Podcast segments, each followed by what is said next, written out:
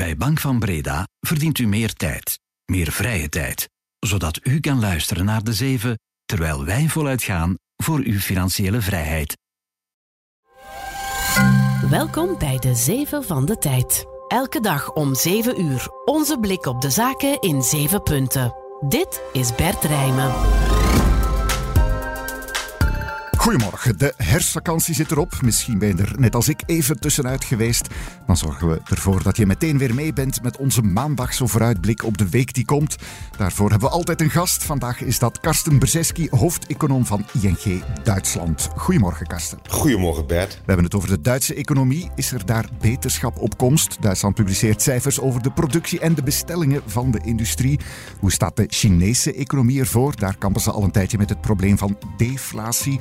Deze week krijgen we daar nieuwe cijfers en er staat een belangrijke ontmoeting op de agenda tussen Amerikaanse president Joe Biden en zijn Chinese collega Xi Jinping. En een hele reeks kwartaalcijfers ook deze week, onder andere Ahold Delhaize en Disney, die komen op ons af. Het is maandag 6 november. Welkom.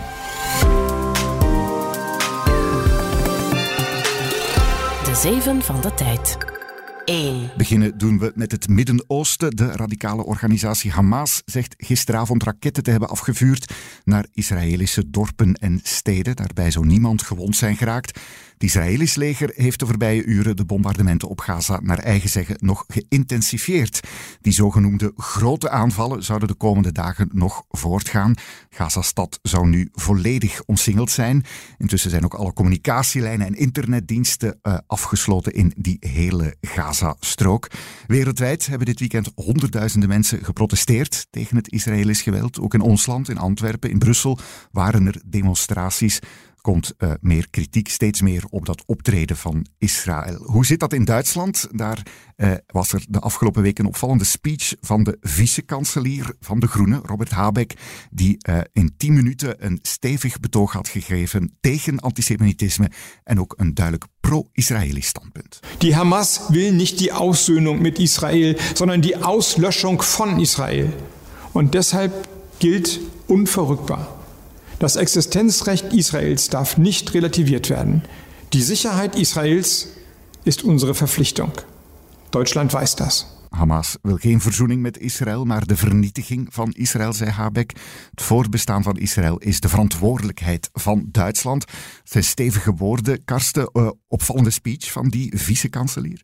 Oh, een, een, zeer opvallende speech, want hij is niet alleen maar vice-kanselier, hij is ook uh, minister van Economische Zaken. En daar heeft hij de afgelopen maanden heel veel slecht werk gedaan. Maar nu positief opgevallen. Waarom? Omdat je gewoon in Duitsland, ja, gezien de Duitse geschiedenis, de afgelopen weken er ook best veel aanslagen waren op Israëlische instellingen, op Joodse instellingen in Duitsland. En niemand uit het kabinet iets erover zei. Dus hier heb je toch een, een heel duidelijke standpunt, een heel duidelijke boodschap dat uh, ja, Duitsland geen aanslagen op Joodse instellingen accepteert. -hmm. Hoe wordt daar in Duitsland op gereageerd, op die ja, stevige speech toch?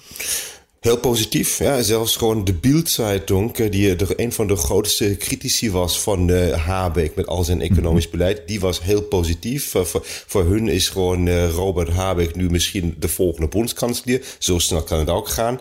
Um, maar ja. de, de, de, in Duitsland was het de afgelopen weken heel moeilijk een duidelijke positie in te nemen. Scholz, de bondskanselier, maar ook de minister van Buitenlandse Zaken, Baerbock, die, die aarzelden toch om gewoon een duidelijke pro-Israëlische boodschap in te nemen of standpunt in te nemen. Dat heeft Habeck nu gedaan. Ja, kijk hoe dat verder evolueert deze week. Zowel de situatie in Gaza als de reacties daarop in de hele wereld. Deze week worden er belangrijke cijfers gepubliceerd over de Duitse industrie. Toch nog altijd de economische motor van Europa. Uh, vandaag komen te weten hoe het aantal bestellingen bij de Duitse fabrieken in september is geëvolueerd. Economen voorspellen dat die bestellingen 2% zijn teruggevallen. Morgen zijn er dan weer cijfers over de productie in Duitsland. Die zou in september een halve procent zijn gedaald. Uh, ja, Karsten, die Duitse economie doet het al een tijdje niet goed, kunnen we toch zeggen. Uh, wat is er daar nu aan de hand en vooral is er beterschap in zich? Hier moet op dit moment geen ochtenden beginnen met de Duitse economie. Het, gaat gewoon niet goed. Um, we hadden vorige week al uh, het nieuws gekregen dat de Duitse economie is gekrompen in het derde kwartaal. In feite zit de Duitse economie al sinds begin van de oorlog in de Oekraïne in een, in een stagnatie. Um, alle conjunctuurindicatoren laten geen beterschap zien. Dus ik vrees dat deze week ook weer een slecht nieuwsweek gaat worden voor de Duitse economie.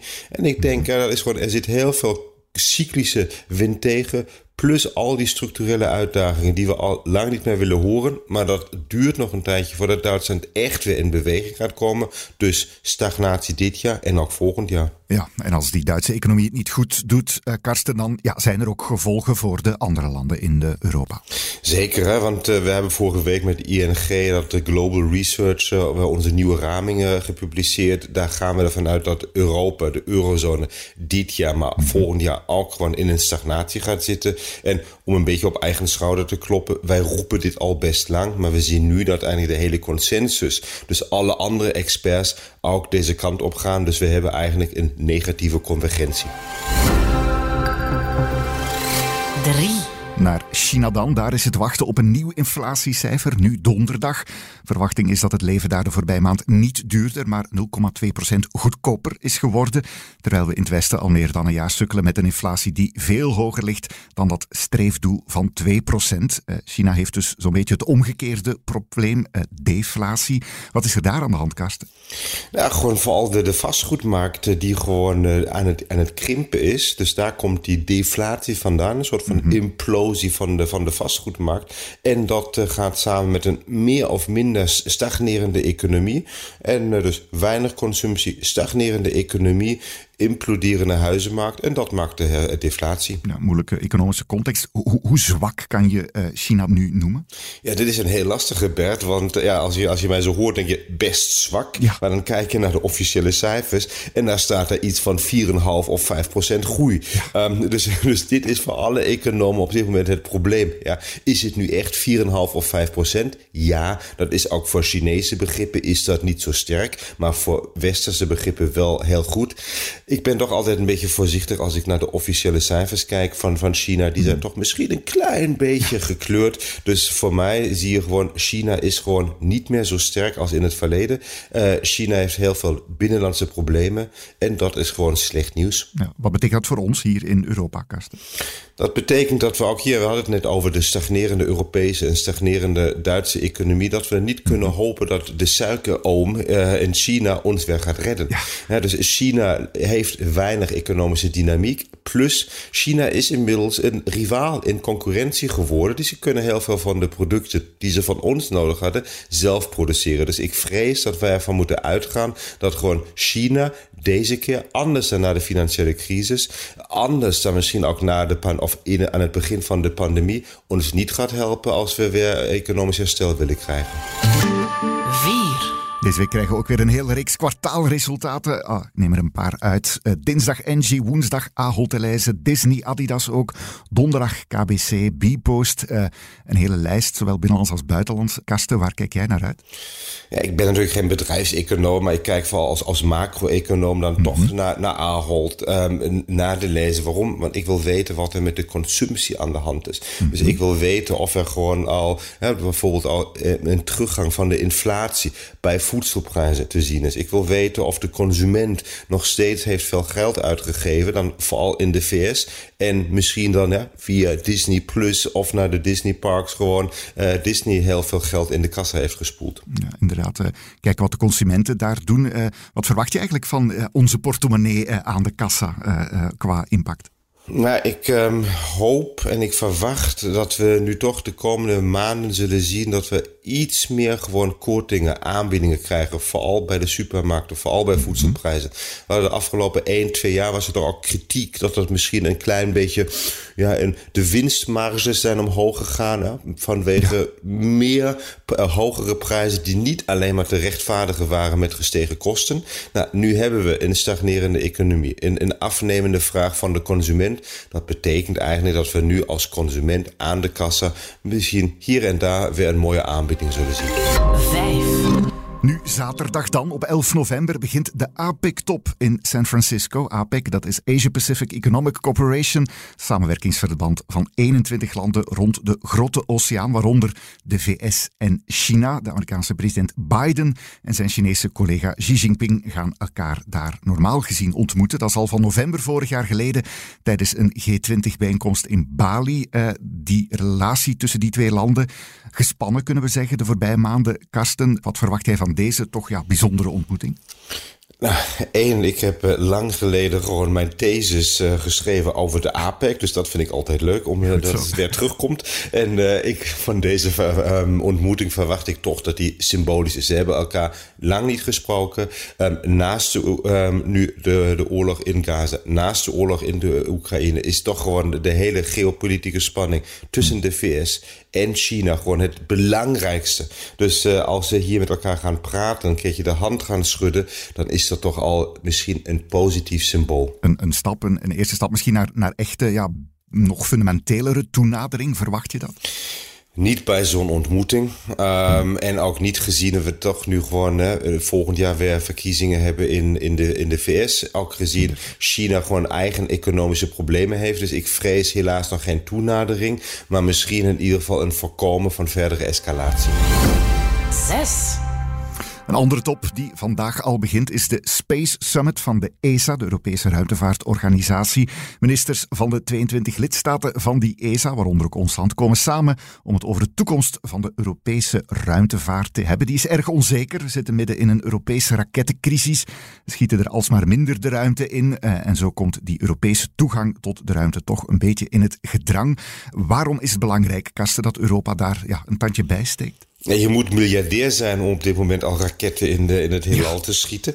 Um, kijk, ruimtevaart is toch in het verleden altijd heel um, belangrijk geweest voor, uh, voor innovatie, voor industrie. En denk ik aan de NASA, die hebben we bijvoorbeeld, zonder NASA was er geen GPS geweest in de, in, in de VS. Mm -hmm. Dus ik zie het toch als bron van concurrentiekracht, van innovatiekracht. En als we hier gewoon weer een stapje terug moeten nemen als Europa, ja, dan draagt het nog eens bij aan een verder verlies van concurrentiekracht. Dus um, dat zou niet goed zijn. Dus laten we echt proberen dat we hier toch weer ook die ESA gewoon een klein beetje gaan onder, laten ondersteunen. Meer investeringen, zodat we gewoon op industriegebied niet volledig terugvallen achter China, um, de VS en al die miljardairs. Ja, inderdaad. Kijk wat dat geeft. Uh, vanaf vandaag dus die ESA-top. 7. En voor jouzelf, Karsten, wat staat er deze week buiten wat herfstweer uh, op de agenda voor jou? Ik zit een beetje buiten Frankfurt en hier is een paar maanden geleden eindelijk een bioscoop gekomen. Dus ik ga hier heel vaak nu naar de bioscoop. Een mooie, mooie top, uh, toplocatie. En ik, uh, ik wil toch een keertje ja, als econoom die bij een bank werkt, moet ik naar Dump Money gaan kijken. Ja, dus dit is het verhaal over GameStop. We herinneren ons er nog aan, uh, begin van de, van de pandemie. Toen opeens GameStop, een, een bijna failliet bedrijf, aan de beurs door het dak ging. Omdat er veel van die, die retail-investeerders gewoon opeens uh, dat, dat aandeel gingen kopen. Nou, dit hele verhaal is uh, gewoon in een film gezet. En ik uh, verwacht naast een beetje nerdy taal toch ook best veel entertainment. Ja, het is in ieder geval een spannend verhaal, denk ik. Daarmee is de eerste de zeven van deze week weer klaar. Bedankt voor de inzichten, Karsten Brzeski. Graag gedaan. Voor nu alvast een fijne dag voor iedereen en tot morgen. Dit was de zeven met Bert Rijmen. Productie door Lara Droesaert van op de redactie van De Tijd. Bedankt om te luisteren. Morgen zijn we er weer. Tot dan.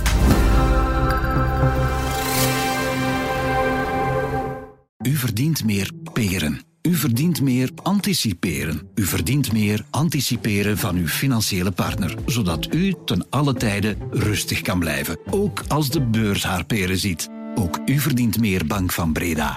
Professioneel en privé. Bank van Breda. Enkel voor ondernemers en vrije beroepen.